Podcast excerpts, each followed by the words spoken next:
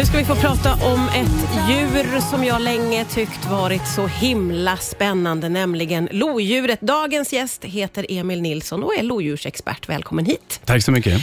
Du, eh, det känns ju som att lodjuret är ett väldigt hemligt djur tycker jag. Stämmer det? Ja, verkligen. Det- Jag, jag brukar säga att de är lite som spöken nästan. Ja, till och Ja. med så pass. För de finns, ja, var finns de någonstans? Var lever de? Om Ja, de- vi de- pratar de- om Sverige. De finns, men de syns inte.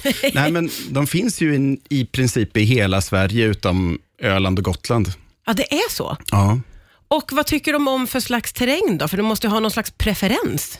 Alltså i, i grunden, i alla fall om vi pratar södra halvan av Sverige, så är det där det finns rådjur.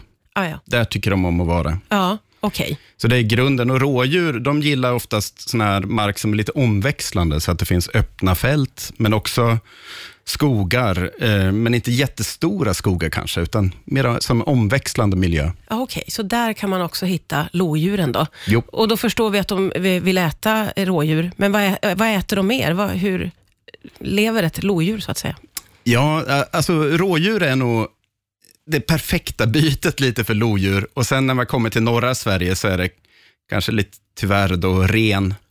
Ah, ja, ja. Och ren och rådjur är ju hjortdjur, liksom. så att det är i den storleksordningen som de gärna tar byten och sen kan de ta mindre byten också, men det blir lite mer som snacks emellan. Jaha, okej. Så det är alltså, det trodde jag var kanske någon gång ibland och att de mer fokuserade på harar och sånt, men så är det inte. Nej, utan det är, ja här i kring så är det rådjur som är Ja. grejen. Och hur lever och jagar ett lodjur då? Är de på e- egen hand eller är de tillsammans i flock? Nej, de, är på, de är, lever ensamt och jagar ensamt. Eh, Och de är bakhållsjägare, så att de försöker smyga sig på och gömma sig. Och så går de ner i så här crouching-läge när de trycker sig Ja. nära marken. Och Sen exploderar de ut i en enorm acceleration och, och kan axa. Man brukar säga att de kan axa lika fort som en Ferrari eller som en Gepard. Eh, men bara i kanske 15-20 meter. Om de inte får sitt byte då, då, då, då skiter de i det. Då sätter de sig ner och bara ser rådjuret springa iväg. Men har du sett det där någon gång med egna ögon? Nej, det har jag Det inte. låter ju helt vansinnigt alltså. Ja, men jag har ju spårat det Ja. i, i snö. Ja. För det är lite så med lodjur, som sagt, de är ju som spöken, man ser dem nästan aldrig. Och Nej. det verkar lite som att de är mest aktiva under tiden när vi sover och när det är mörkt ute. Ja, ja, ja, det gör det okej. lite svårare. Men man, man kan, eh, när man kan spåra i snö, då kan man få reda på mycket mer av hur de lever. När man ser dem, då är det ofta som bara att där är de och där Ja, gick ja. det iväg. Ja, liksom. ja. Men hur går det till då när de liksom ska fälla ett rådjur? Jag tänker ändå att det är väldigt stora djur som de tar sig an. Mm, det är ju det, de väger ju mer än lodjuret ofta. Ja, Nej, det de gör är att de biter kring strupen. Så här så de klämmer åt ja. i mjukdelarna av halsen. Om man känner på sin egen hals runt struphuvudet så är Ja, det och nu måste alla känna. mjukt. Ja, där. ja, ja, vi- ja. och där klämmer de åt så hårt så att blodflödet upp till hjärnan slutar på rådjuret. Så Ja. de håller stenhårt där och efter en halv minut så är rådjuret dött. Att det går så snabbt. Ja, och om man då skulle skrämma bort ett lodjur från sitt byte, Ja. Eh, och går fram och tittar på halsen på rådjuret, då ser det ut som att det är helt liksom intakt, förutom fyra hål i halsen. Och de hålen är inte säkert man ser, man måste kanske till och med liksom skära upp halsen för att se att det är som vampyrbett nästan. Ja, som Där. kirurgiskt. Det är ju otroligt. Vi ska prata vidare om lodjur alldeles strax. här. Riks FM. Riks FM.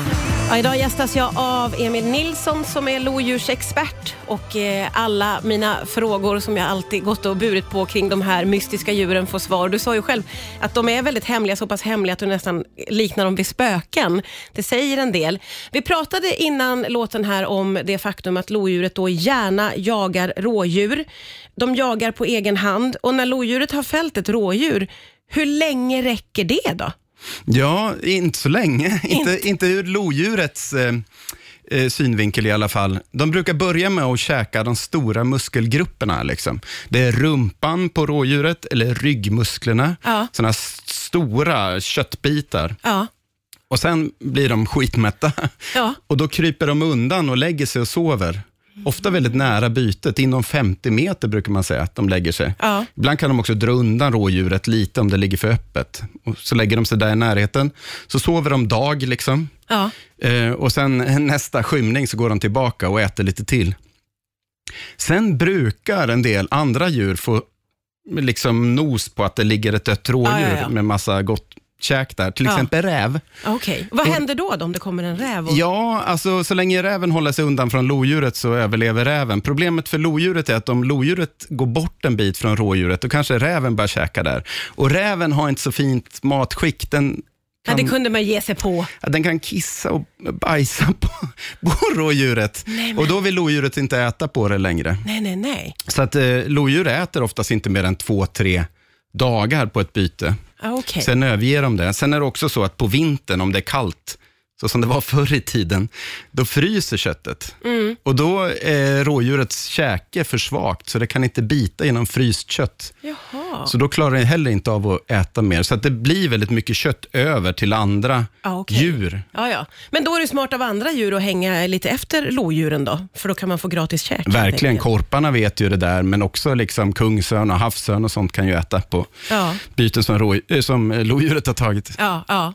Eh, och hur, jag gissar att de har revir, eller hur stora områden brukar de röra sig över?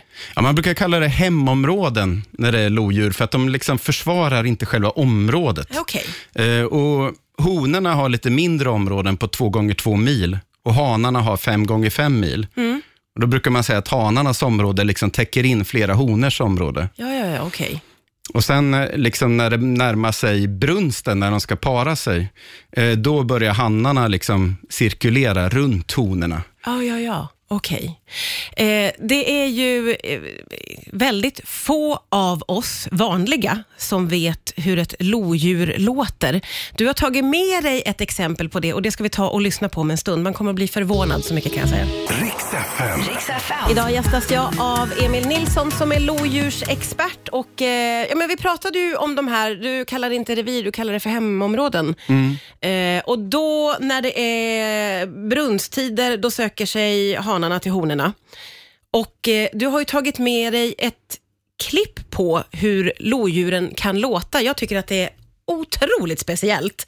Men det här är också under speciella omständigheter som de låter, som det vi ska få höra, eller? Ja, ja, precis. Men alltså, de rör ju sig över väldigt stora områden om man tänker att eh, alldeles på natten och då ska, när de ska hitta varandra, då måste de göra det på något sätt och då har de två metoder. Ja. Det ena är att de går och pinkar på saker. Det Okej. gör ju alla kattdjur. Liksom. Ja. De vänder rumpan upp och så kommer det som en det. spray bakåt.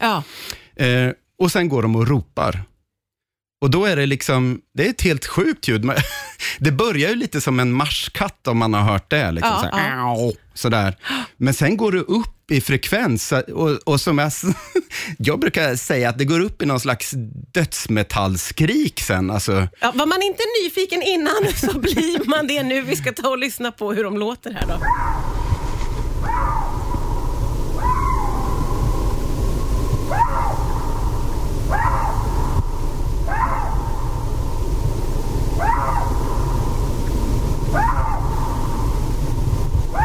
Det låter ju väldigt kusligt måste jag säga. Ja, det är så coolt alltså. Det är ganska likt räv för de som brukar vara Ja, ute. ja. Men jag brukar säga, jag, jag, jag växte upp i Östergötland och där säger man wäv. Wäv, det, lå, det låter lite såhär, wä, wä, Ja, ja, ja, wä, säger räven. Men lodjuret säger liksom, au, au. Men sen skriker det liksom, så Ja. det skriker au. Ja, väldigt, väldigt häftigt att få höra. Ja, det är helt grymt. Är det. Och Sen kan man höra både honan och hannen ibland. Och då, Hannarna de kan bli hesa och de har lite grövre, Ja. så här, eh, lite lägre frekvens, samma skrik. Ehm, men äh, det, är, det är lite kusligt. Ja, det låter väldigt, väldigt kusligt. Du eh, har ju ägnat eh, många, många år åt att spåra lodjur och eh, upptäcka om de här djuren. Vad var det som liksom drog dig till de här lodjuren från första början?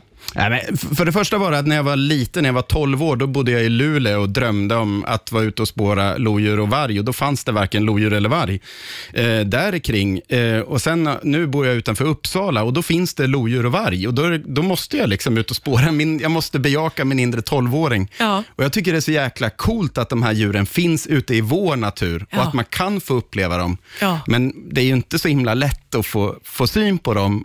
Eh, Men ju mer man är ute, desto roligare blir det nästan att bara spåra. Ja. För det är då man liksom kan ta reda på vad de har gjort och man, man kan liksom läsa deras bok. Om man ser dem, då, bara, då är de där och sen går de undan. Så Ja. är de borta. Vad är dina egna häftigaste upplevelser vad gäller lodjur då? Jag tror att Det coolaste måste vara nästan sista gången jag såg dem. Då var min sambo med också. Det var på natten. Hon hade liksom sett någonting. Hon hämtade mig vid bussen och så hade vi en pannlampa med. Och Då gick vi ut och tittade lite. Det snöade. Liksom. Vi tyckte vi hittade några spår. Ja. Men vi fattade inte riktigt vad det var. Och Sen så lös hon upp mot skogskanten och då satt en lodjurshona där med sina ungar. Man såg framförallt honan som satt där och kollade in vad vi var för några. Hon bara satt helt lugnt och glodde på oss. Ja. Och så ser man hur det glimmar till lite lägre, för då låg ungarna ner och tryckte. Liksom. Nej. Alltså, så då tittade vi liksom i en halv minut innan vi gick därifrån och lämnade dem i fred. Men jag tyckte det var så häftigt för att då har jag, hade jag det året liksom hållit på och åkt runt och spårat dem överallt utan att hitta dem. Och så helt plötsligt, De hittade dig. de hittade mig. Ja. Gud vad häftigt. Underbart. Det här var så himla roligt att få prata lodjur med dig. Tack Emil Nilsson för att du kom hit. idag. Tack själv.